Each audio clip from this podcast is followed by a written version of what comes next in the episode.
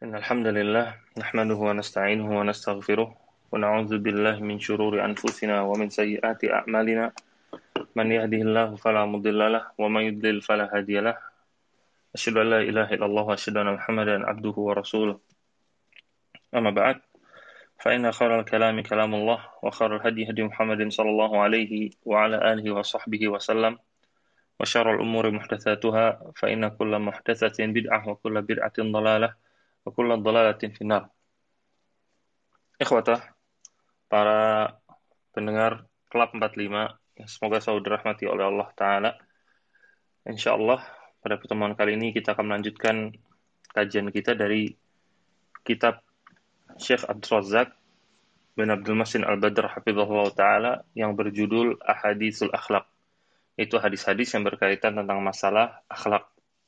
Dan kita Alhamdulillah sudah sampai di bab yang ke-9, yaitu bab yang berjudul Hukukul Ummal, haknya para pekerja, yaitu para karyawan.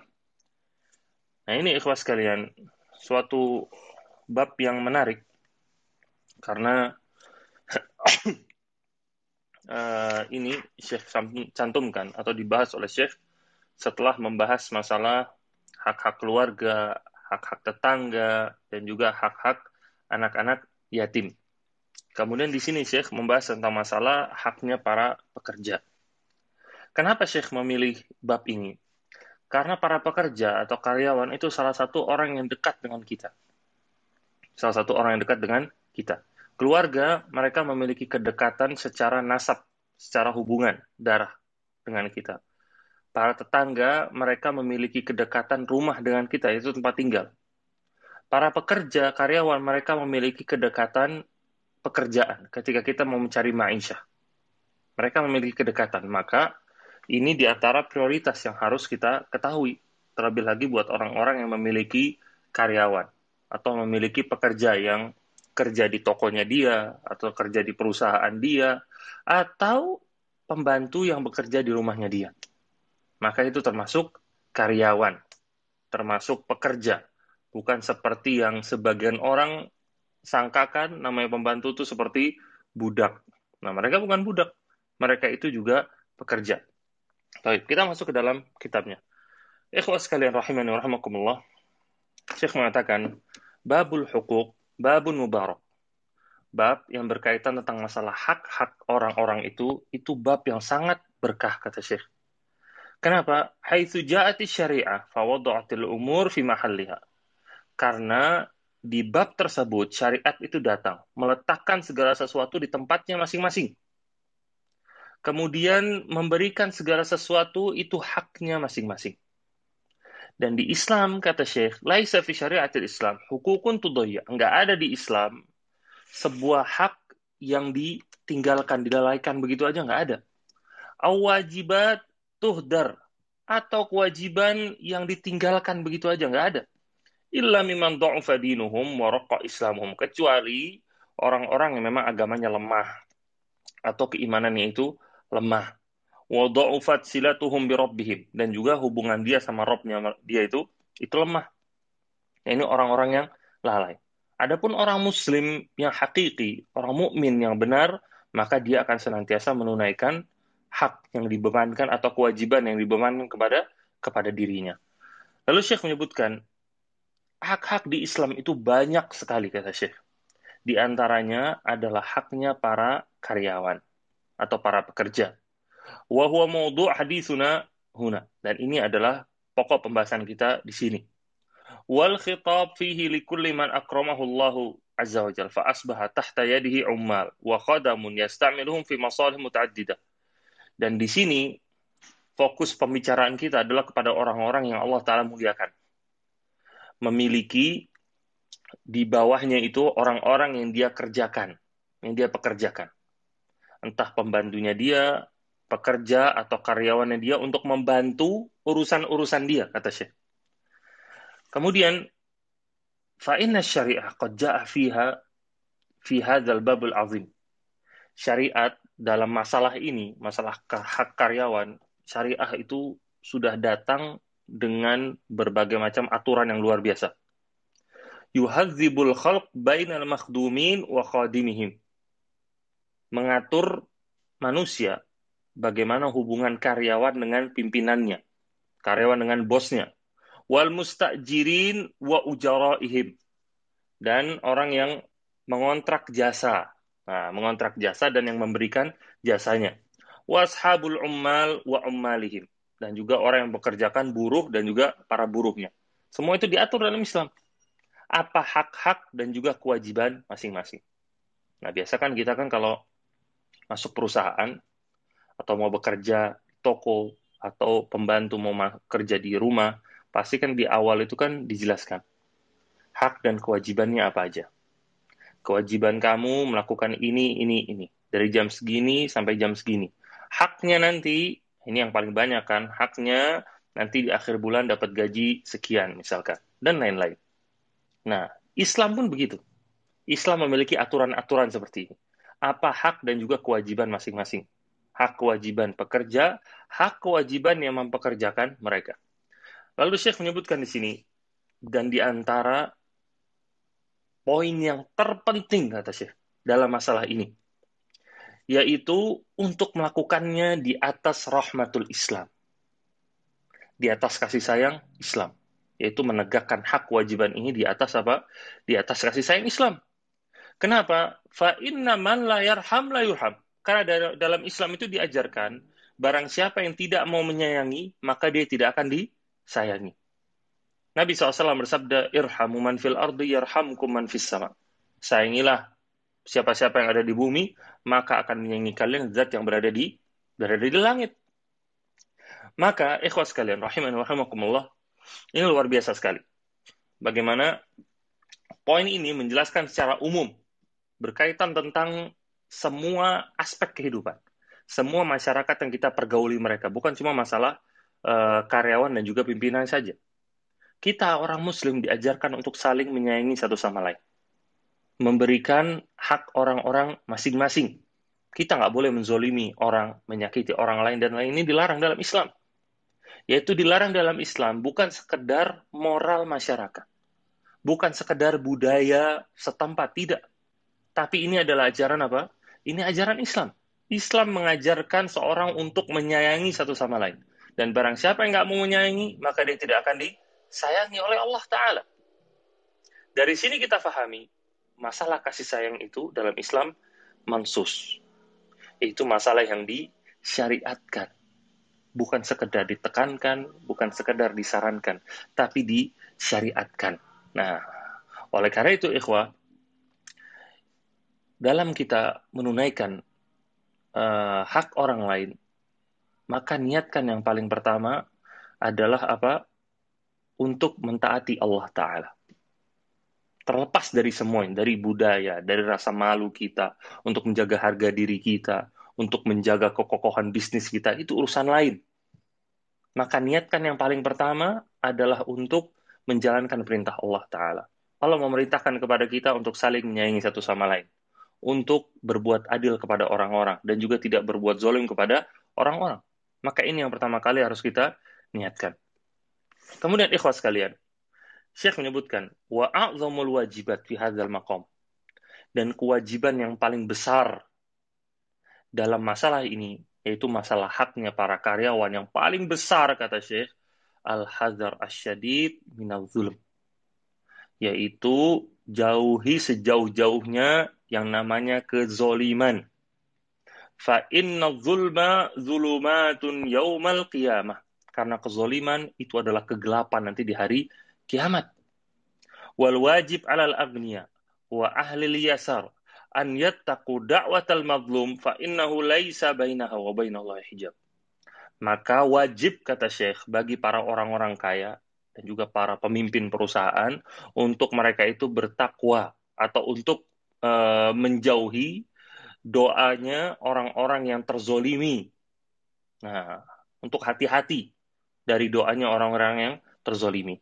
Kenapa? Fa innahu laisa bainaha wa bainallahi hijab. Karena antara dia dan juga Allah Ta'ala itu nggak ada hijab. Itu dalam masalah doanya. Doanya langsung ke Allah Ta'ala. Dalam artian akan akan dijabah, mudah dijabah oleh Allah Ta'ala. Dan ini doa-doanya orang yang terzolimi. Nah, di antara contohnya, dan mungkin ini yang bisa menggambarkan bagi kita, adalah berkaitan tentang masalah merubah perjanjian.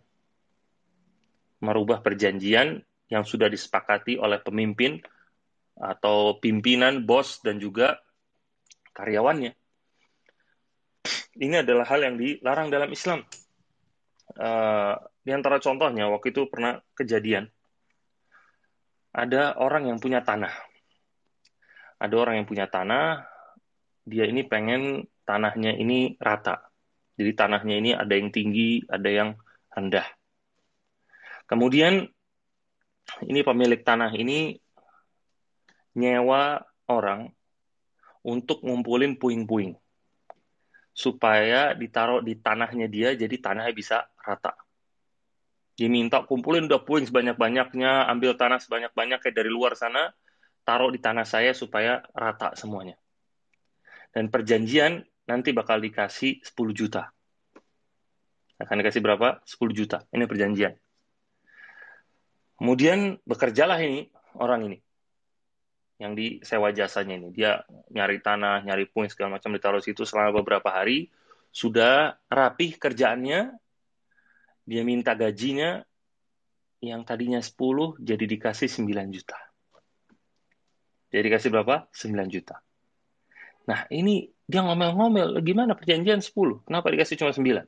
Ya, saya mau ngasihnya segini, kata dia. Sudah segini cocok kemarin itu kerjanya kayaknya gampang aja kata dia. Gampang, mudah. Nggak sulit. Sudah, ini sembilan. Nah, dia juga nggak bisa marah ini orang yang uh, disewa. Nggak bisa marah. Habis gimana? Dia cuma bisa ngomel-ngomel, tapi kan masa tanahnya diangkat lagi sama dia kan. Kerja lagi, duit lagi. Akhirnya malah tambah tambah rugi. Nah, ini ikhwah di antara contoh. Ini adalah di antara contoh kezoliman. Bagaimana Nabi SAW mengatakan al-muslimu ala syurutihim. Namanya orang muslim itu taat kepada persyaratan yang sudah ditetapkan kepadanya. Kita nggak boleh melanggar persyaratan yang sudah kita uh, sudah kita sepakati bersama. Tapi ini di antara bentuk kezoliman berkaitan tentang masalah hubungan karyawan dan juga pemimpinnya atau orang yang menyewa jasa. Nah, di sini di antara hadis yang disebutkan oleh Syekh berkaitan tentang masalah ini, masalah kezoliman, hadis dari Abdullah ibn Unais radhiyallahu taala anhu. Beliau berkata, aku mendengar Rasulullah SAW bersabda, Yuhsyarun nasu yaumal qiyamah. Manusia itu akan dikumpulkan di hari kiamat. Ghuratan gurla buhma. Dalam kondisi nggak pakai baju telanjang dan juga belum disunat. Qulna wa ma buhma. Qal laisa ma'hum. Kemudian ditanyakan, wahai Rasulullah apa itu buhma? Rasulullah menjawab, Lai sama syai. Dia itu nggak bawa apa-apa ketika nanti hari kiamat dikumpulkan. Thumma yunadihim bisautin yasma'uhu man ba'uda kama yasma'uhu man qarub. Kemudian terdengarlah suara yang memanggil. Yang mana suara ini didengar oleh orang-orang yang jauh, sekencangnya itu seperti orang yang mendengar dalam kondisi dekat. Itu suara kencang banget. Suara itu mengatakan, Anal Malik, Anad Dayyan aku adalah sang raja, aku adalah sang pemberi balasan. Itu maksudnya Allah Ta'ala. Walayan bagi li ahadin min ahlin nar an yadkhulan nar. Walahu inda had, ahadin min ahlil jannah hakun hatta aqussahu minhu. Kemudian Allah mengatakan tidak boleh bagi seorang penduduk neraka untuk masuk ke dalam neraka sedangkan dia itu memiliki hutang kepada seorang penduduk surga Nggak boleh dia masuk neraka kalau dia punya utang kepada seorang penduduk surga. Hatta aku sahuminhu. Sampai aku kisos. Itu diselesaikan dulu masalah hutangnya ini. Lalu Allah melanjutkan, walayan bagi li ahadin min ahlil jannah an yadakhulal jannah, walali ahadin min ahlin nar indahu haqqun hatta aku minhu. Dan juga tidak boleh bagi seorang penduduk surga untuk masuk ke dalam surga, sedangkan dia itu memiliki hutang kepada salah seorang dari penduduk neraka. Sampai aku mukisosnya, yaitu menyelesaikan hutangnya terlebih dahulu. Hatta allatmah, walaupun itu cuma sedikit. Qal qulna kaifa wa inna inna mana'tillahu muratan gurlabuhma. Kemudian para sahabat mengatakan, Wahai Rasulullah, bagaimana kita mau membereskan hutang tersebut? Sedangkan kita itu datang dalam kondisi telanjang, belum dihitan, dan nggak bawa apa-apa. Qal bil hasanati wasayyiat. Nabi katakan, yaitu bayarnya nanti hutang itu diselesaikan dengan hasanat dan juga dengan sayiat. Dengan kebaikan atau pahala dan juga dosa kita masing-masing. Jadi, ikhwah, perbendaharaan yang akan kita bawa untuk melunaskan kezoliman nanti di sana, urusan di sana adalah pahala dan juga dosa. Itu yang kita punya. Ketika ada orang yang zolim kepada kita, maka kita akan ambil dari dia. Dan begitu juga sebaliknya. Ketika kita pernah menzolimi orang, maka kita akan membayar dengan apa yang kita miliki. Nah ini adalah hal yang harus hati-hati. Makanya kita harus perhatikan. Lalu juga Syekh di sini menyebutkan sebuah hadis dan ini sebuah hadis yang terkenal yang dinamakan sebagai hadis muflis, hadis orang yang merugi. Rasulullah SAW bersabda, Atadruna mal muflis, apakah kalian tahu siapa itu orang yang merugi, yang bangkrut? Kalau al-muflis fina man la dirhamalahu wala mata. Para sahabat mengatakan orang yang merugi, orang bangkrut itu, itu orang yang nggak punya harta sama sekali nggak punya dirham dan juga jualan nggak ada, perdagangan nggak ada dia. Faqal innal muflis min ummati ya'ti yaumal qiyamah bis shalah wasiyam wa zakah. Sungguhnya orang yang bangkrut dari umatku, dia akan datang nanti hari kiamat dengan sholatnya, dengan puasanya, dengan zakatnya. Wa ya'ti qad syatama hadha wa qadhafa hadha wa akala mala hadha. Dan dia itu ketika datang, dia bawa pahala itu, di saat yang bersamaan, dia juga membawa dosa-dosa kezoliman.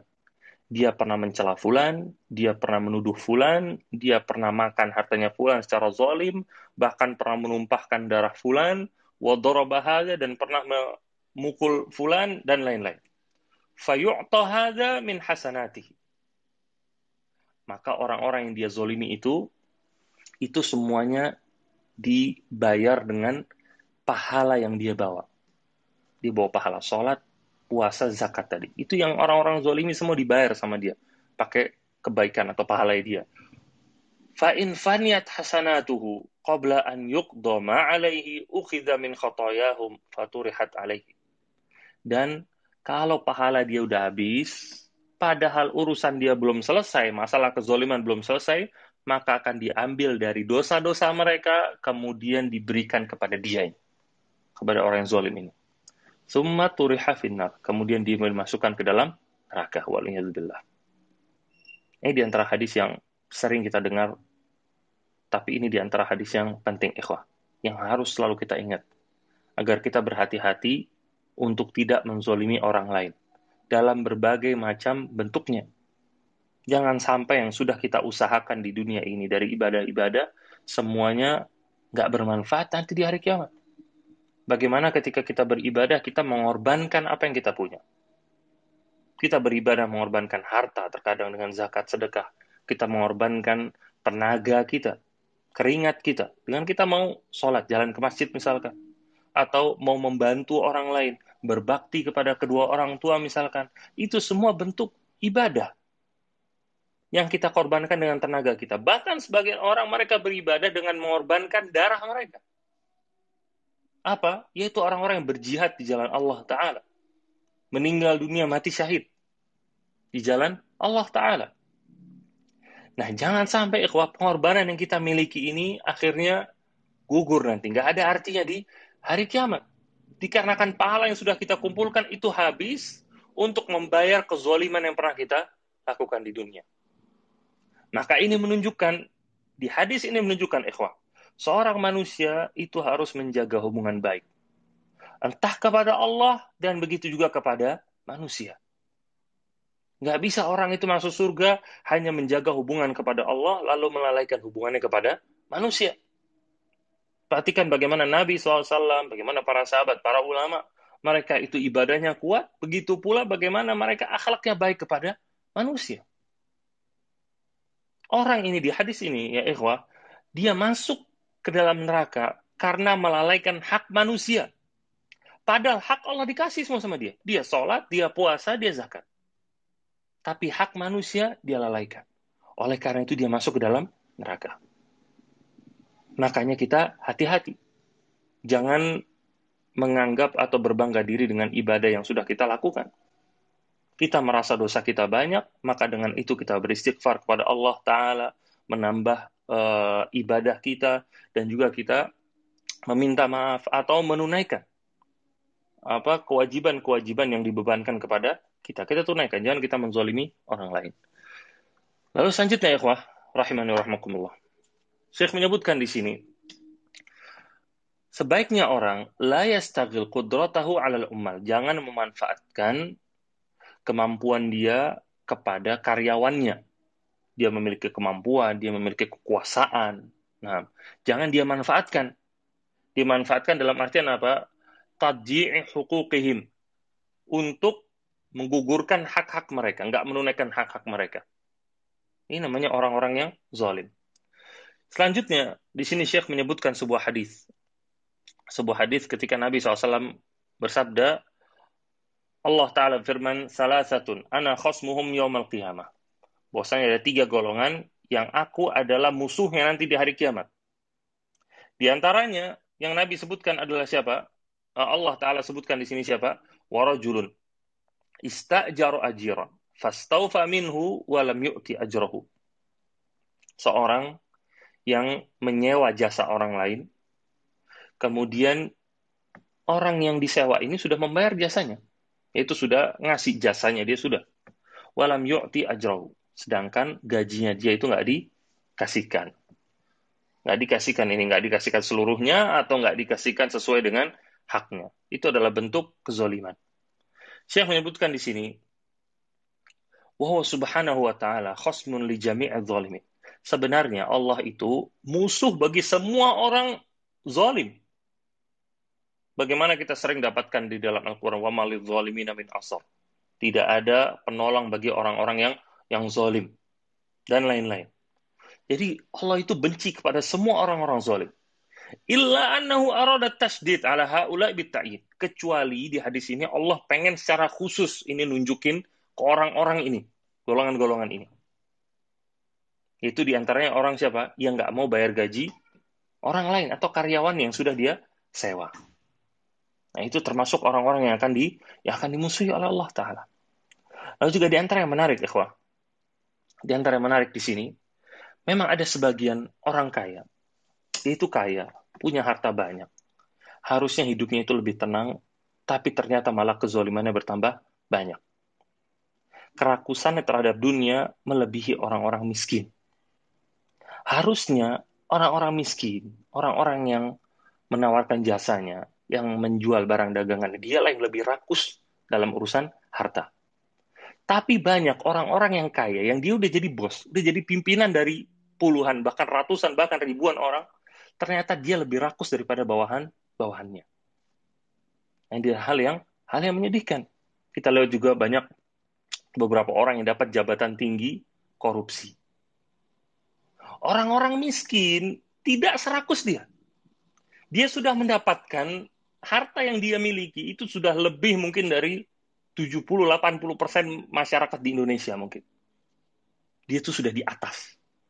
Tapi kerakusannya itu mengalahkan segalanya.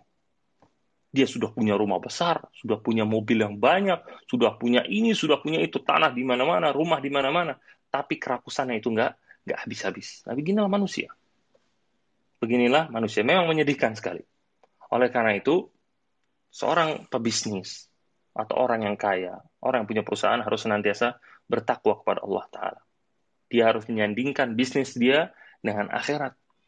Bukan sekedar menjadikan bisnis dia ladang untuk mencari dunia. Tapi dia manfaatkan itu juga untuk menopang kehidupan akhiratnya. Oleh karena itu, maka dari itu ntar dia nggak bakal menzolimi orang-orang. Nah, ikhwat rahimani warahmatullah. Lalu, di antara yang Syekh sebutkan di sini adalah masalah takhir taslimil hukuk, yaitu mengakhirkan pemberian gaji kepada orang-orang. Dan ini adalah di antara bentuk kezoliman. Nah, lalu hadis yang berikutnya yang saya sebutkan di sini, Anil Ma'mu, Anil Ma'rur ibn Suwaid dari Ma'rur bin Suwaid. Dia mengatakan, aku bertemu dengan Abu Zar. Wa alaihi hullah. Dan dia itu sedang pakai baju yang bagus. Wa ala gulamihi hullah. Lalu budaknya juga pakai baju yang bagus. Fasa'al tuhu anzalik. Faqal inni sababtu rajulan fa'ayyartuhu bi ummihi. Nah, di sini Abu Zar menyebutkan bahwasanya dia ini pernah mencela budaknya. Itu mencela ibunya, ibu dari budaknya ini. Faqala lin Nabi SAW. Kemudian Nabi SAW berkata kepadaku, Ya Abu Zar, a'ayyartahu bi ummihi. Wahai Abu Zar, apakah kamu mencela ibunya dia? Inna kamru'un fika jahiliyah. Wahai Abu Zar, kamu itu memiliki di antara sifat-sifat orang-orang jahiliyah. Ja'alahumullahu tahta aidikum. Bahwasanya Allah menjadikan mereka itu di bawah kekuasaanmu, itu di bawah kepengurusanmu. Falyut'imhu mimma yakul. Maka hendaklah kamu memberikan mereka makan sebagaimana yang kamu makan wal yulbishu mimma yalbas. Dan berikanlah mereka baju sebagaimana baju yang kamu pakai. Wala tukallifuhum ma yaglibuhum. Dan jangan kamu bebankan kepada mereka apa-apa yang berat kepada mereka. Fa in kallaftumuhum fa'inuhum. Dan kalau kamu itu memberatkan mereka, maka bantulah mereka. Nah, di sini suatu hal yang luar biasa. Dan Syekh menyebutkan dasarnya hadis ini itu berkaitan tentang masalah budak. Tentang masalah budak. Walakin yulhaq bihim kama zakar ahlul ilm. Tapi hadis ini juga berkaitan sebagaimana disebutkan oleh para ahlu ilmu tentang al-ajir, yaitu orang-orang yang kita sewa jasanya dan juga para pembantu kita, para supir kita dan orang-orang semisal mereka. Itu sama semua kata Syekh. Seperti yang disebutkan di hadis ini. Wa fil hadis an-nahyu an sabbil abid wa man fi ma'nahum wa ta'yiruhum bi abaihim. Dan di hadis ini juga menjelaskan tentang larangan mencela para budak apalagi orang tua mereka. Wal hasu 'alal ihsan ilaihim dan juga perintah untuk berbuat kebaikan kepada mereka. Wa anna tafadul al haqiqi bainal muslimin innama huwa bittaqwa. Dan sesungguhnya keutamaan yang hakiki antara orang-orang muslim itu ada di ketakwaan mereka. Allah Ta'ala firman, Inna akramakum indallahi atqakum. Sungguhnya yang paling mulia di antara kalian di sisi Allah adalah yang paling bertakwa kepada Allah Ta'ala. Di sini, ikhwas kalian, pentingnya kita untuk memahami. Rendahnya seorang dalam derajat keduniaan bukan berarti mereka itu rendah dalam derajat keimanan. Di sini juga kita pahami, orang yang tinggi derajat hartanya bukan berarti dia itu tinggi dalam derajat apa? keimanannya. Bisa jadi seorang pimpinan perusahaan, seorang bos, itu hartanya lebih banyak, tapi keimanannya itu di bawah karyawannya. Begitu juga sebaliknya. Inna akramakum indallahi atqakum. Semuanya kemuliaan yang kita kejar itu kemuliaan dari Allah Ta'ala. Dan Allah mengatakan, yang paling mulia di antara kalian adalah yang paling bertakwa kepada Allah Ta'ala. Dan ketika mencela budak saja dilarang oleh Nabi SAW. Mencela orang tuanya, dan lain-lain. Dan Nabi sini perintahkan untuk memberikan mereka makanan maksudnya yang baik. Baju yang baik. Dan nggak boleh membebankan mereka dengan beban yang bisa atau yang nggak mampu mereka tanggung. Dilarang sama Nabi. Maka apalagi orang-orang selain budak. Apalagi orang-orang selain budak yang kita pekerjakan. Dari karyawan toko, pembantu, atau ada yang punya supir misalkan. Maka kita nggak boleh zalim kepada mereka. Kita nggak boleh berkata kasar kepada mereka. Seperti perbuatan sebagian orang kalau pembantunya salah dikatain bego. Dikatain dengan perkataan ya yang nggak pantas disebutkan di sini. Dengan semua kebun binatang keluar. Direndahkan serendah-rendahnya. Bukan cuma pekerjaan dia. Tapi memang pribadi dia itu dijatuhkan benar-benar. Seakan-akan dia ini orang hina. Padahal tadi kan disebutkan bahwasanya kemuliaan di sisi Allah itu dari ketakwaan, dari keimanan. Bukan sekedar dari apa? Dari harta. Kalau memang harta yang membuat seorang itu paling mulia, maka tentunya yang paling mulia adalah Korun. Kemudian ada lagi Fir'aun. Kemudian ada lagi Namrud. Mereka semua raja dan orang-orang yang memiliki kedudukan di dunia ini. Tapi akhir mereka di dalam Al-Quran semuanya nggak ada yang bagus. Semua tempat mereka adalah neraka. Begitu juga Haman, menterinya Fir'aun. Semua mereka orang-orang yang tinggi jabatannya di dunia, di dunia ini. Memiliki harta yang banyak. Tapi akhir hidup mereka nggak ada yang bagus. Tempat mereka semua di, di neraka, sebagaimana dijelaskan oleh Allah Ta'ala. Tapi orang-orang yang memiliki kemuliaan dalam Islam, antum perhatikan siapa? Nabi SAW. Beliau bukan orang yang paling kaya di dunia ini. Dan juga para sahabat. Bagaimana mereka itu terkadang hidupnya sulit. Dan kedudukan di dunia ini mereka pun bukan orang yang paling dimuliakan dahulu. Tapi Allah mengangkat derajat mereka. Karena keimanan, karena keilmuan mereka. Oleh karena itu jangan kita sombong kepada siapa pun. Allah mengatakan wala tamshi fil ardi maroha. Janganlah kamu berjalan di muka bumi ini dalam keadaan sombong. Dan ini berkaitan kepada semua orang baju mahal yang kita miliki, mobil mahal yang kita miliki, kendaraan mahal yang kita punya, itu tidak kemudian otomatis mengangkat derajat kita di hadapan Allah Ta'ala.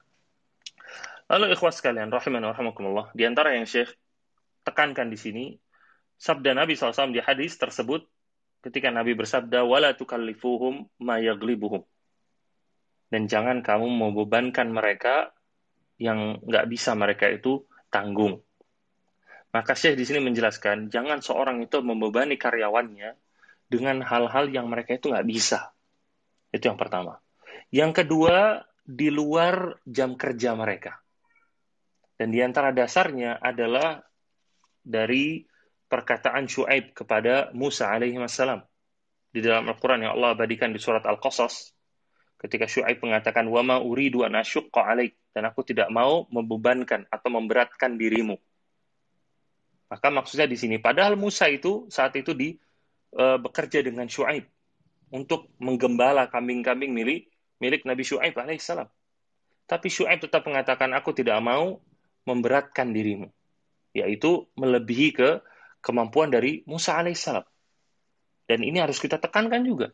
Jangan sampai memberikan beban pekerjaan yang melebihi kemampuan mereka. Dan termasuk di dalamnya juga yang kedua, jangan membebankan mereka suatu kerjaan itu yang di luar jam kerja mereka. Di luar apa? Di luar jam kerja mereka. Membuat akhirnya kewajiban-kewajiban mereka yang lain yang harus mereka tunaikan akhirnya nggak bisa gara-gara gara-gara kita. Nah ini merupakan juga sebuah sebuah kezoliman. Semua harus diatur dan haknya diatur sedemikian rupa. Nggak boleh ada kezoliman di situ. Nah, Kemudian ikhwas sekalian, di antara yang Syekh sebutkan di sini, dan sekarang Syekh ini masuk ke masalah bersabar kepada para karyawan. Bersabar kepada para karyawan. Ketika seorang datang ke Nabi Shallallahu Alaihi Wasallam, ada baina yaday Nabi SAW, lalu dia duduk di hadapan Nabi SAW, lalu dia berkata, wahai Rasulullah, sungguhnya saya memiliki dua orang budak, atau saya memiliki budak-budak yang mereka itu nggak percaya sama saya. Mereka berkhianat sama saya, mereka pun memaksiati saya, yaitu nggak mau taat sama saya. Kemudian saya menghina mereka dan kemudian saya pun memukul mereka. Fakaifa ana minhum. Lalu bagaimana Rasulullah? Yang saya lakukan ini benar apa salah maksudnya? Lalu Rasulullah menjawab, yuhsabu ma khanuka wa asauka wa kadzabuka wa iqabuka iyahum. Nah, bahwasanya orang-orang yang akan mengkhianati kamu, yang memaksiati kamu, nggak taat sama kamu, mereka itu memiliki dosanya sendiri. Fa'in kana iqabuka iyyahum biqadri dzunubihim kana kafafa. Kalau hukumanmu kepada mereka sesuai dengan kesalahan mereka, maka itu sudah sebanding kata Rasulullah. Lalaka wala alaik kamu nggak harus melakukan apa-apa, mereka pun sudah nggak dibebankan apa pun, sudah nol nol. Wa in kana iqabuka iyyahum duna dzunubihim kana fadlan laka. Adapun kalau hukumanmu itu di bawah kesalahan mereka, maka itu kelebihan bagimu. Itu kelebihan pahala, keutamaan bagimu kalau hukumanmu itu di bawah kesalahan mereka. Wa in kana iqabuka iyyahum fawqa dzunubihim uktus salahum minkal fadl Adapun kalau hukumanmu itu di atas kesalahan-kesalahan mereka, maka kamu akan dikisos. Nah, dan diambil sebagian dari apa yang kamu miliki. Karena sudah berbuat lebih, yaitu berbuat zolim di sini. Fatanahar rajul, lalu orang itu uh, apa namanya nangis di hadapan Rasulullah SAW. Faja'ala yabki wa yahtif. Dia nangis, meringis di depan Nabi SAW. Rasulullah SAW kemudian mengatakan kepadanya, Ama kitab Allah. Apakah kamu tidak membaca firman Allah? Wa, wa mawazin bil qist. Wa nadha'ul mawazin al qist li yawmil qiyamah fala tudzamu nafsun syai'ah. Dan kami letakkan timbangan yang adil nanti di hari kiamat. Fala tudzamu nafsun syai'ah. Enggak ada satupun yang akan dizolimi. Wa in kana mithqala dzarratin. Walaupun dia itu cuma sekecil biji zarrah. Yang maksudnya masalah apa? Keadilan. Faqala rajul, maka orang itu berkata, Wallahi ya Rasulullah, demi Allah wa Rasulullah, ma'ajiduli walahum syai'an khairan min mufaraqatihim. Aku tidak bisa menemukan solusi apa pun wahai Rasulullah kecuali untuk apa namanya berpisah dengan mereka. Ushiduka annahum ahrarun kulum. Aku bersaksi kepadamu bahwasanya mereka bebas semuanya. Yaitu siapa? Budak-budaknya ini semua. Nah, ikhwah di sini sebuah hadis yang luar biasa yang disampaikan oleh Nabi SAW nasihat kepada uh, seorang sahabat di sini. Kalau kita menemukan ada sebuah kezoliman dari karyawan kita, maka kezoliman tersebut jangan dibalas dengan kezoliman yang lebih tinggi lagi. Kalau dia berbuat kesalahan, maka hukumlah dengan hukuman yang setimpal. Kalaupun hukuman itu tidak setimpal atau kurang daripada kesalahan dia, maka itu kelebihan bagi kita. Itu pahala bagi kita. Tapi jangan sampai kezoliman, kesalahan yang dia lakukan itu dihukum dengan hukuman yang lebih yang lebih tinggi. Nah, jelas itu adalah sebuah dosa ketika mereka berbuat zolim, maka jangan kita ikut berbuat zolim. Tunjukkan kita ini orang yang terdidik, kita ini orang yang punya adab, dan kita ini orang yang memiliki hak atau memiliki uh, memahami hak masing-masing. Jangan ketika ada orang berbuat zolim kepada kita, kemudian kita ikut berbuat zolim kepada kepada orang tersebut. Nah ini juga penting dalam berbagai macam perkara. Kita temukan orang bermacam-macam ikhwah di dunia ini. Ada orang yang zolim sama kita, menyakiti kita, hasad sama kita, menipu kita, jahat sama kita, mesem sama kita, gibahin kita di belakang. Nah, jangan kita jadi seperti mereka. Kalau antum orang cerdas, jangan jadi seperti mereka. Jangan kita ketemu ada orang gibahin kita, sering gibahin kita di belakang, jangan kita ikut gibahin dia. Ada orang sering zolimin kita, jangan bahas kita zolimin dia. Nyakitin kita, nipu kita, oh dia pikir saya nggak bisa nipu yang lebih, saya bakal tipu dia lebih lagi. Ya jangan begitu. Kalau kita orang cerdas, kita merasa kita lebih terdidik dari dia, bahwasanya kita ini lebih memahami agama dari dia, maka jadi orang yang lebih baik. Jangan tunjukkan kita ini bisa sesama rusaknya dengan orang tersebut. Ini sebuah sebuah kesalahan yang dilakukan banyak sekali orang. Ketika ada orang yang menyakiti kita, maka jawab dengan dengan kebaikan. Lalu selanjutnya, ikhwah, rahimani wa rahmakumullah. Di sini ada banyak sekali yang saya sebutkan di sini. Di antaranya juga ada masalah uh, keutamaan untuk atau ketika menunaikan hak mereka. Nah, ini sebuah hadis yang terkenal juga ketika ada tiga orang yang terjebak di dalam gua yang mereka masuk berlindung di gua karena hujan yang deras lalu ada batu besar menutup pintu keluar mereka. Kemudian tiga orang ini berdoa kepada Allah Ta'ala. Berdoa kepada Allah supaya diberikan jalan keluar. Orang yang pertama berdoa, orang kedua berdoa, orang ketiga berdoa. Apa doanya? Dia mengatakan bahwasanya dia itu pernah menyewa seseorang. Dia pernah menyewa seseorang yang intinya di sini hadisnya panjang. Dia pernah menyewa seseorang, kemudian dia nggak memberikan gaji sesuai dengan haknya dia. Kemudian beberapa tahun kemudian orang itu kembali untuk meminta haknya. Lalu dia berikan haknya saat itu. Yang haknya saat itu adalah kambing. Yang dulu itu kambingnya itu cuma dua, ternyata setelah berapa tahun kambingnya itu sudah beranak pinak, sudah banyak kambingnya. Jadi ketika orang itu kembali, kambingnya itu sudah beranak pinak, sudah se, uh, sebesar bukit waktu itu, sebanyak bukit waktu itu. Nah, makanya ketika orang itu datang, semua bukit itu adalah kambingmu diambil semuanya dan dikembalikan. Lalu dia mengatakan, ya Allah, bahwasanya kalau aku uh, fa'in kuntu fa'atu dzalika ibtigha'a wajhik fafruj anna ma nahnu fi. Ya Allah, kalau aku dulu itu melakukan hal tersebut karena mengharapkan wajahmu, yaitu menunaikan hak itu, fafruj. Maka berikanlah jalan keluar dari penderitaan yang kami alami saat ini. As Lalu batu itu pun bergeser. Fakharaju yamshun. Lalu mereka pun keluar bisa dari gua tersebut. Nah, ini di antara keutamaan. Berarti hal yang dia lakukan adalah termasuk amal soleh. Ada termasuk apa? Termasuk amal soleh. Perbuatan baik yang dia lakukan dan ikhlas kepada Allah, maka itu Allah berikan jalan keluar dari gua tersebut. Nah, lalu yang terakhir, ikhwas sekalian, di sini Syekh menyebutkan eh, hal-hal uh, yang lain, juga di antaranya contoh dari Nabi SAW.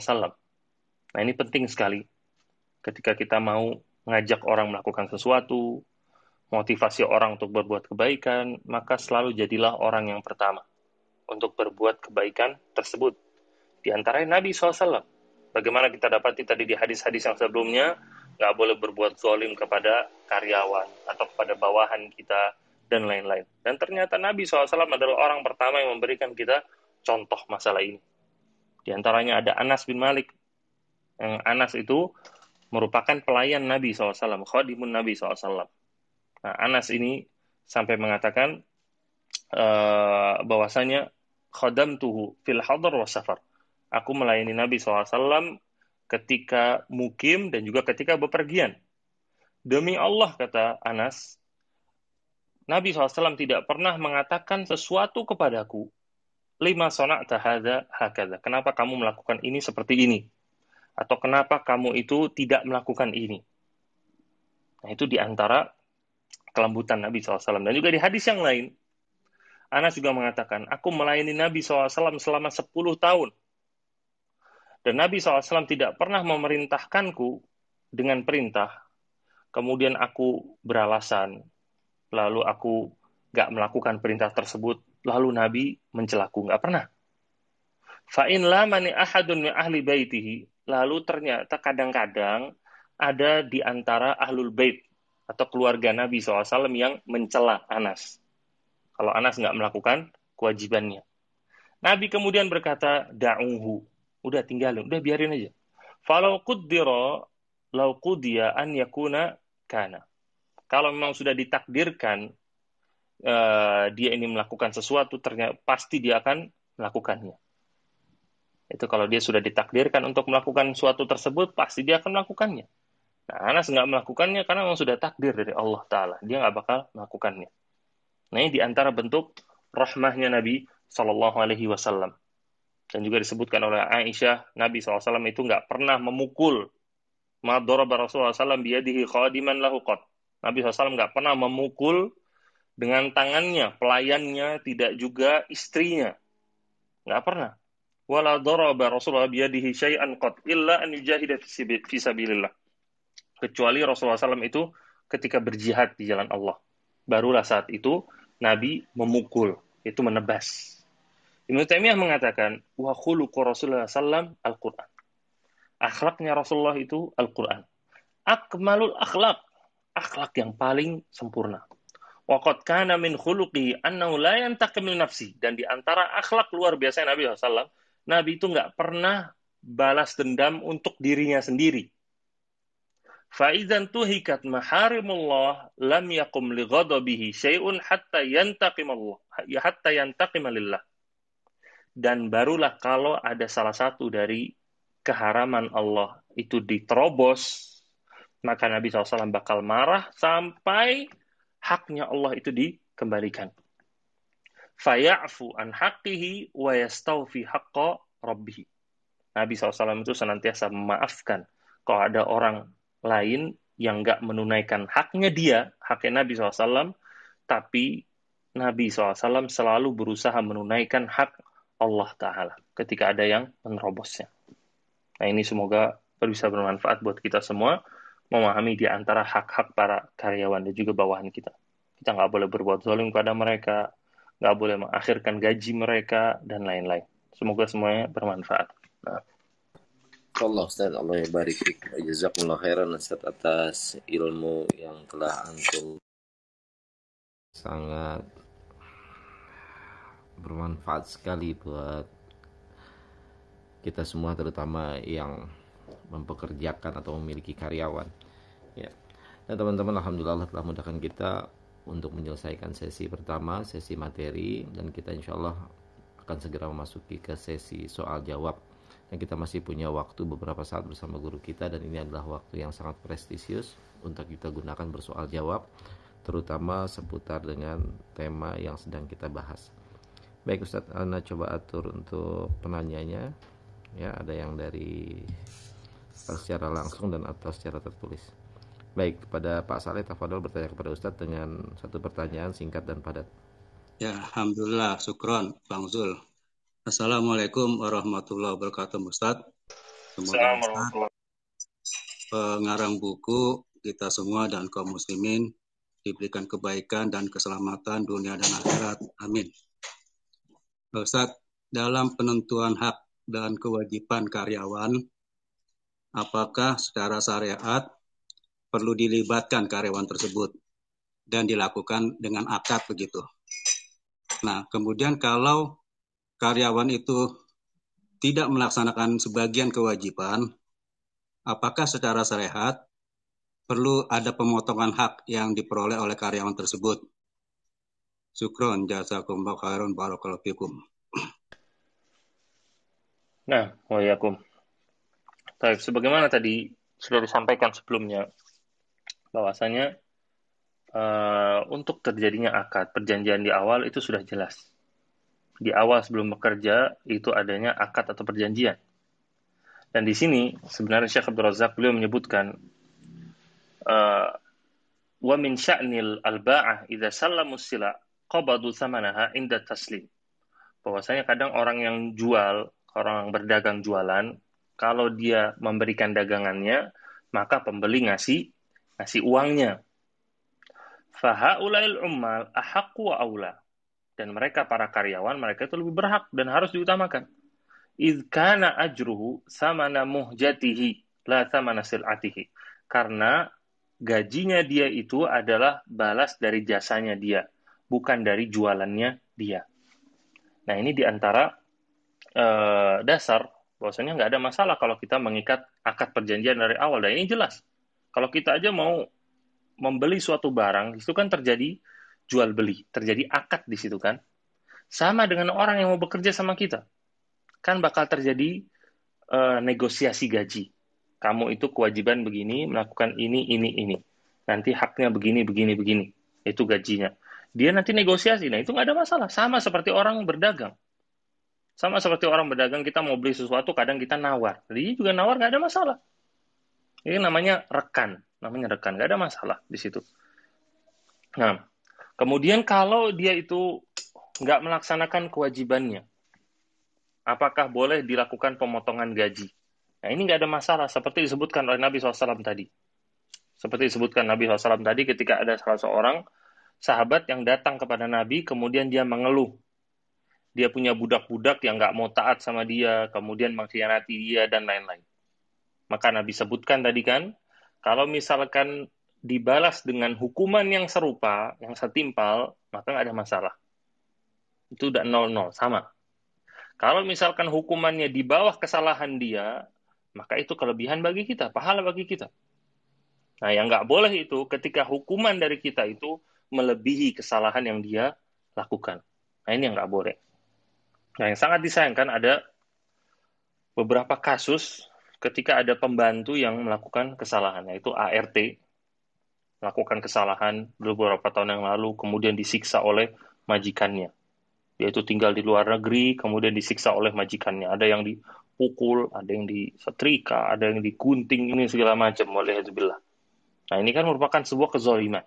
Nggak cocok dengan kesalahan mereka. Dihukum nggak ada masalah, tapi harus dengan hukuman yang setimpal atau yang di bawah dari kesalahan mereka. Nah, wallah Syukron jazakumullah khair. Ya, semoga Allah memberikan taufik buat kita semua dan selanjutnya Ah Deni monitor Ah Rama ada pertanyaan yang masuk ke antum? Uh, ada, eh, ada Bang Zul. Iya. Fadol, kalau ada silakan dibacain kepada Ustaz. Uh, baik. Izin Ustadz untuk membacakan uh, pertanyaan pertama nih agak sedikit panjang. Iya. Bismillah, yeah. tahun lalu Anda minta di, diminta tolong oleh Ikhwan untuk bekerja di perusahaannya dengan kontrak dan kerja, kontrak kerja dan gaji. Ikhwan tersebut pengusaha setiap minggu selalu mengundang Ustadz untuk tausiah di kantor beliau.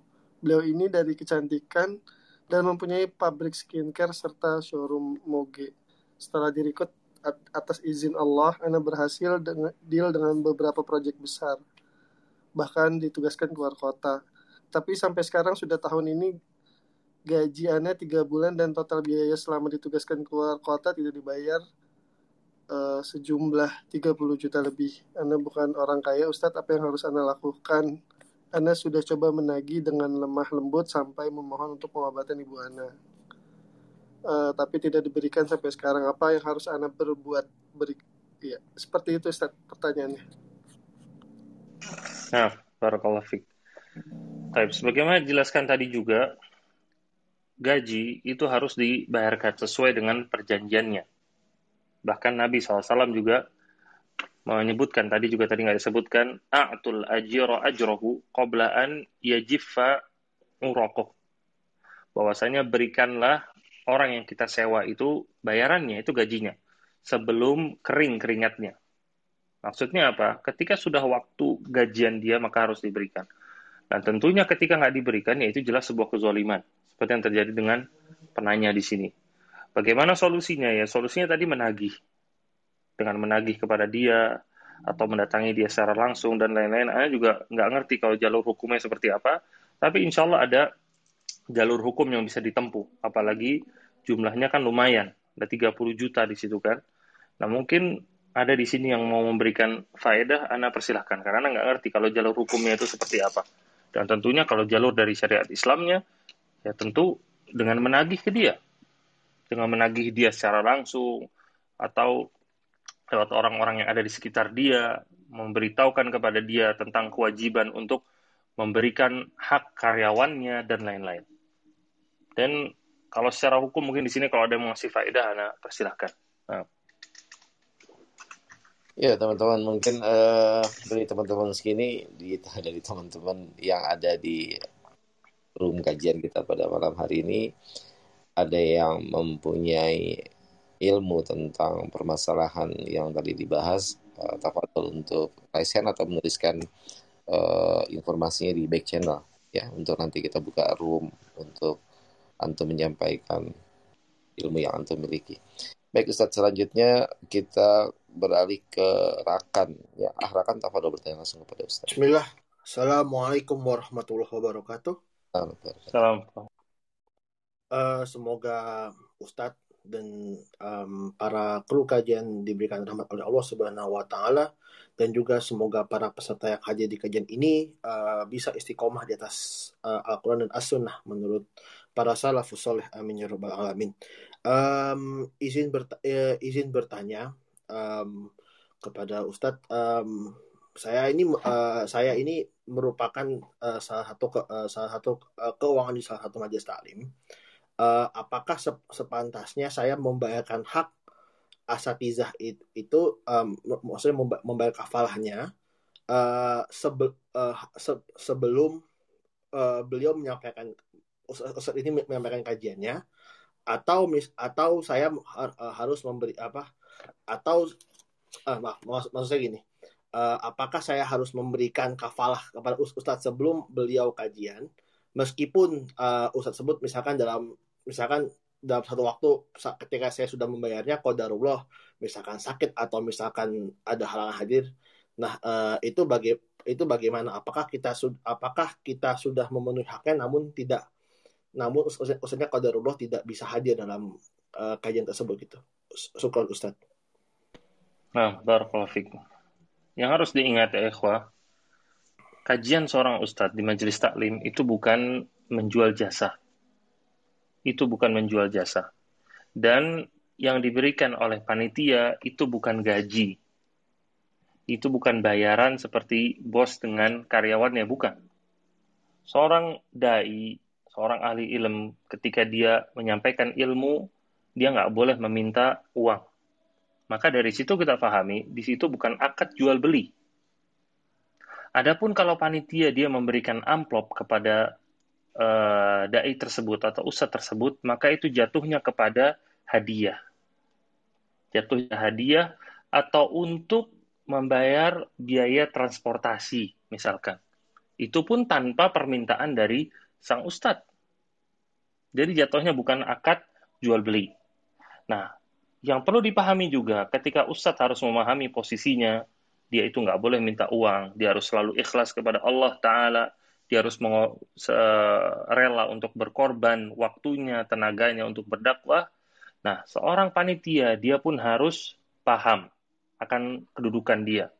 Dia harus menunjukkan rasa terima kasih kepada ustadznya, dan di antara bentuk rasa terima kasih adalah memberikan hadiah kepada dia.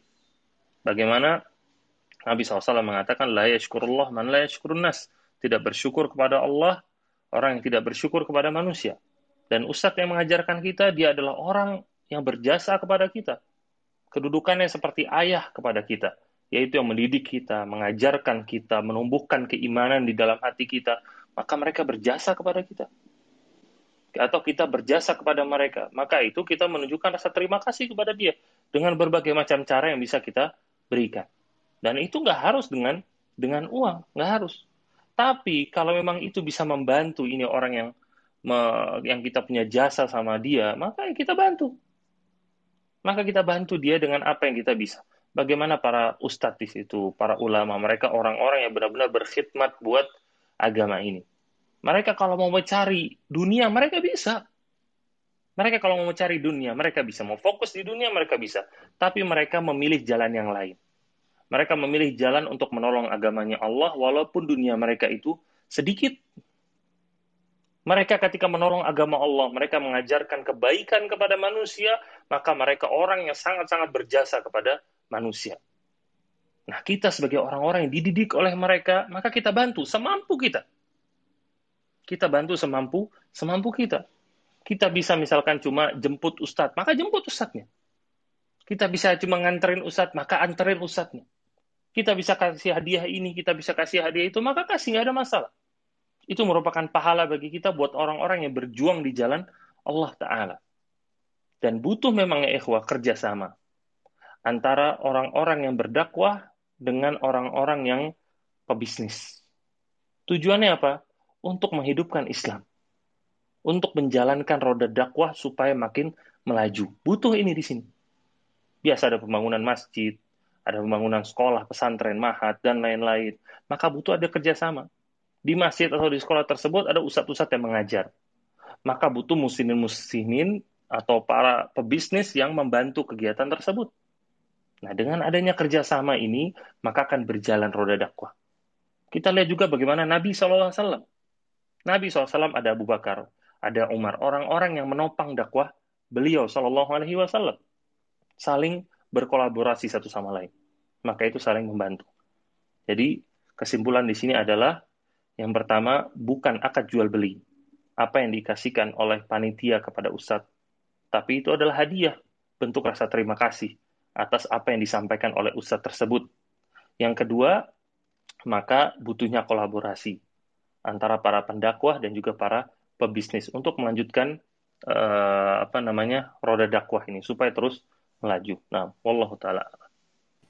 Jazakallahu khairan barakallahu fikum. Wa iyyakum. Ya, Insya Allah. Semoga Allah memberikan taufik buat kita semua ya. Ustaz, uh, izin bertanya Ustaz. Terkait topik yang sangat menarik ini Ustaz. Seorang pemimpin perusahaan dengan karyawannya tadi kita bicarakan tentang bagaimana menunaikan hak-hak para karyawan terkait dengan beban pekerjaan, terkait dengan akad yang disepakati juga dengan pembayarannya Ustaz. Nah pertanyaannya adalah eh, bagaimana hubungannya dengan hadis bahwa setiap kalian adalah pemimpin dan setiap kalian akan dimintai pertanggungjawabannya dan bagaimana kewajiban seorang pemimpin perusahaan dalam menunaikan hak karyawan secara pekerjaan dan hak karyawan secara pendidikan. Maksudnya dalam hal misalnya mengarahkan karyawan kepada aturan-aturan syariat misalnya sholat lima waktu gitu ya dan nasihat-nasihat yang terkait dengan agama Ustaz. Syukran jazakallah khair. Nah, wa yakum. Baik, berkaitan tentang masalah itu, bahwasanya pimpinan perusahaan atau pimpinan toko dan lain-lain itu nggak punya kewajiban. Tidak punya kewajiban untuk mendidik bawahannya tentang berkaitan tentang masalah syariat mungkin yang berkaitan tentang masalah pekerjaan dia, syariat yang berkaitan tentang masalah dia, iya. Dan di sini kita maksudkan kewajiban, bukan masalah dianjurkan. Kalau dianjurkan jelas jawabannya iya dan ditekankan sekali. Tapi kalau kita berkata masalah kewajiban, berarti ketika kita tidak melakukannya, maka kita akan berdosa. Maka nggak masuk ke dalam sini. Kewajiban kita adalah untuk mendidik diri kita dan juga mendidik keluarga kita. Itu adalah kewajiban kita. Adapun karyawan kita, kita nggak bisa memaksa mereka harus datang ke kajian. Kalau nggak datang kajian, gajinya dipotong. Nggak bisa. Hubungan kita ke mereka adalah hubungan jasa, hubungan akad pekerjaan. Maka nggak bisa diikatkan dengan hal tersebut. Allah. Baik Ustaz, jazakallah khair atas jawabannya. Dan selanjutnya pertanyaan secara tertulis. Tema ini sangat menarik sekali sehingga banyak sekali yang bertanya. Ustaz, bagaimana hukumnya memiliki perusahaan ya dan karyawan yang masih muda, remaja, cantik, terus uh, pakaiannya tidak menutup aurat, ya bahkan terjadi ikhtilat di tempat bekerjanya. Jazakallah khairan. Barakallah. Nah, seorang pimpinan perusahaan itu memiliki kekuasaan atas apa yang ada di bawah dia maka yang ada di bawah wilayah dia, kalau dia mampu, maka dia harus jalankan sesuai dengan syariat. Dia punya karyawan laki-laki dan juga perempuan, dia mampu supaya tidak ada ikhtilat di antara mereka, mereka maka lakukan. Nggak boleh ada musik di sini, maka lakukan. Itu semua ada di bawah di bawah kekuasaan dia. Tapi seorang pemimpin perusahaan nggak bisa memaksa dengan tangan. Kita mungkin bisa, ini waktu sholat kita nggak ada pekerjaan, semua harus sholat. Kemudian ada yang nggak sholat, kemudian kita seret tangannya. Nggak bisa, seperti itu. Itu nggak masuk ke daerah kekuasaan kita sebagai pemimpin perusahaan. Adapun masalah ikhtilat, nggak boleh bercampur baur antara laki-laki dan perempuan, rasa pemimpin perusahaan bisa ngurus masalah ini. Beda antara kekuasaan pemimpin di perusahaan dengan kekuasaan uh, ayah di rumahnya. Ketika ayah di rumahnya, dia bisa memaksa dengan tangannya. Anak yang nggak mau sholat, maka diseret ke kamar mandi. Suruh wudhu nggak mau bangun subuh, maka ambil ember siram, nggak ada masalah.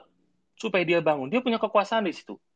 Tapi dia nggak bisa lakukan hal tersebut ketika di perusahaan. Dia bisa katakan ketika waktu sholat, maka semuanya harus sholat. Itu sebagai anjuran. Dan ketika di waktu-waktu tersebut nggak ada namanya orang yang bekerja, misalkan. Maka semua harus off, harus berhenti, semua harus sholat. Ketika ada yang nggak sholat, kita nggak bisa marahin dia, nggak bisa mukul dia, nggak bisa. Itu bukan kekuasaan kita. Jadi, pemimpin perusahaan itu memiliki kekuasaan tersendiri. Dia mempunyai wilayah. Maka dia harus bisa memanfaatkannya dengan dengan baik. Termasuk hal-hal yang e, menyelisih syariat, maka dia bisa larang di situ. Nah, Allah Baik Ustaz, Allah ibarik fik, jazakullah khairan jawabannya dan selanjutnya kepada Akh Halilintar, tafadol menghidupkan mic-nya dan bertanya.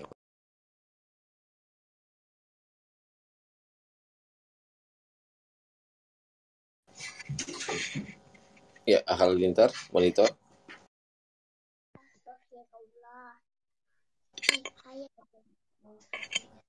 Ya, sepertinya ada masalah. Ukti, Ukti Iva bisa monitor suara Anda? Atau Ah Iwan, Tafadol, yang bisa mendengar suara Anda yang ya. oke. Okay.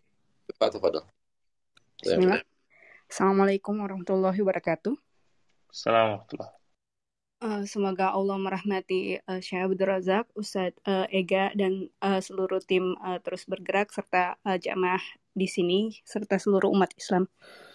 Uh, Bismillah Ustadz uh, izin uh, mengajukan pertanyaan yang dititipkan oleh teman. Ini uh, mungkin tidak langsung terkait dengan hak karyawan, tetapi uh, tadi ada hubungan uh, dengan kajian gitu, dengan kajian dan titipan amanah dari jamaah.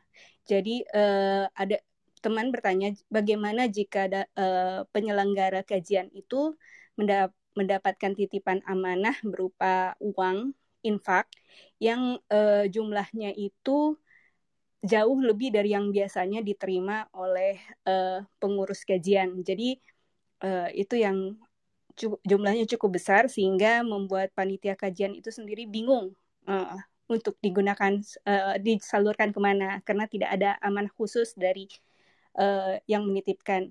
Biasanya pengurus kajian ini menggunakannya untuk uh, hadiah uh, kepada ustadz yang mengisi kajian rutin, kemudian juga untuk operasional uh, berlangsungnya kajian tersebut sehingga uh, hal ini membuat kebingungan dan tidak tahu harus diapakan dengan dana tersebut. Uh, mungkin Ustadz bisa membantu memberikan pencerahan kepada uh, teman saya ini. Jazakallah khair Ustadz. Nah, barakallahu Kalau memang dananya banyak, maka bisa dimanfaatkan untuk berbagai macam urusan.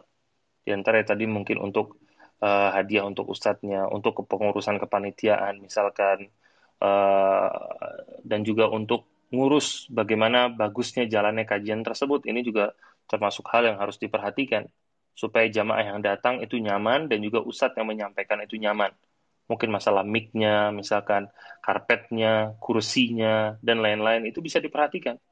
Dananya bisa dipergunakan untuk itu. Dan juga kalau memang amanahnya itu umum, diamanahkan uang tersebut terserah mau digunakan untuk apa, yang penting hal-hal yang baik dalam Islam, maka bisa juga dipergunakan untuk membantu orang-orang yang kesulitan. Terlebih lagi di zaman sekarang, lagi pandemi begini, banyak orang-orang yang sulit.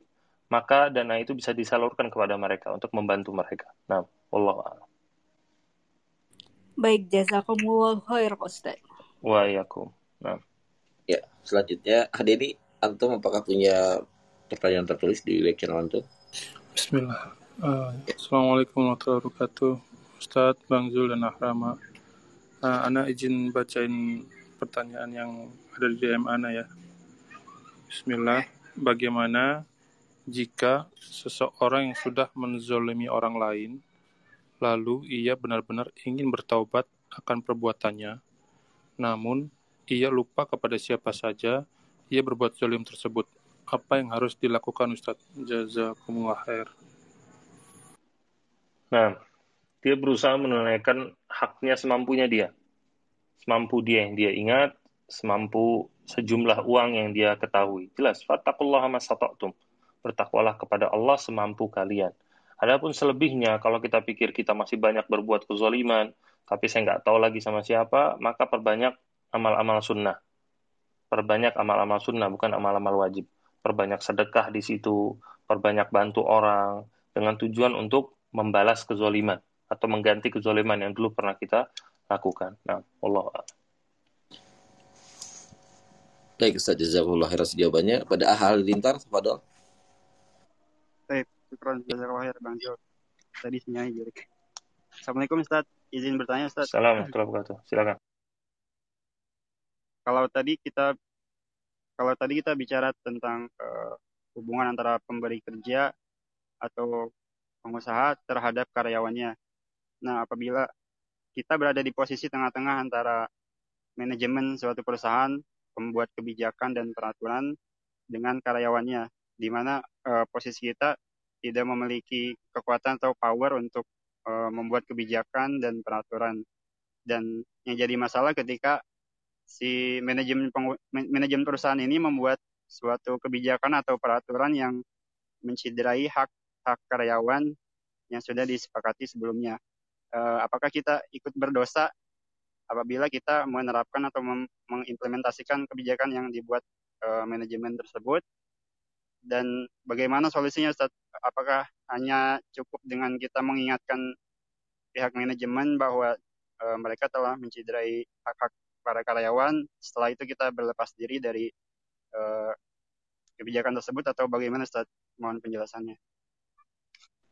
Nah, Barakallahu Ketika ada kezaliman di depan mata kita, maka yang paling pertama kita lakukan adalah kita mengingkarinya dengan hati kita. Ini yang paling pertama. Kemudian yang kedua, barulah kita pikirkan apakah kita bisa merubahnya atau tidak. Ketika kita nggak bisa merubahnya dengan tangan kita, karena kita nggak punya kekuasaan di situ, maka kita berusaha untuk merubahnya dengan dengan lisan kita, dengan nasihat kita. Kita kasih tahukan ke dia, atau sekarang karyawan itu mereka punya komunitas. Mereka punya paguyuban, biasanya kumpulan dari karyawan, ada orang yang mewakili untuk ngomong dengan manajemen perusahaan, dengan pimpinan. Untuk mengutarakan bagaimana ada uh, kezoliman di sini, ada hak yang diambil, dan lain-lain. Maka itu salah satu caranya yang bisa ditempuh. Nah, Allah dengan tidak mengajak orang-orang untuk untuk demo, yang kemudian demo dan merusak mana-mana, dan jangan seperti itu. Nah, Allah. Sebagaimana kita jelaskan tadi, bahwasanya memberikan hak kepada orang-orang itu perkara yang penting. Kita menunaikan kewajiban kita itu merupakan perkara yang penting. Karena nanti di hari kiamat kita nggak bisa membayar hutang-hutang kita, kezoliman-kezoliman kita dengan harta kita. Nggak bisa. Tapi nanti dibayarkan dengan hasanat wa sayiat. Itu dengan pahala dan juga dengan dosa. Ketika pahala sudah habis, maka dosa mereka akan berpindah kepada orang yang menzolimi. Maka ini hal yang harus diperhatikan kepada orang-orang yang sering menzolimi karyawannya, membebankan dengan beban yang dia nggak bisa tanggung, sering menyakiti mereka, sering mencela mereka, nggak memberikan hak mereka, maka bertakwa kepada Allah Ta'ala. Bertakwa kepada Allah, bertobat kepada Allah. Semuanya akan ditanya oleh Allah Ta'ala. Nah, Allah Ta'ala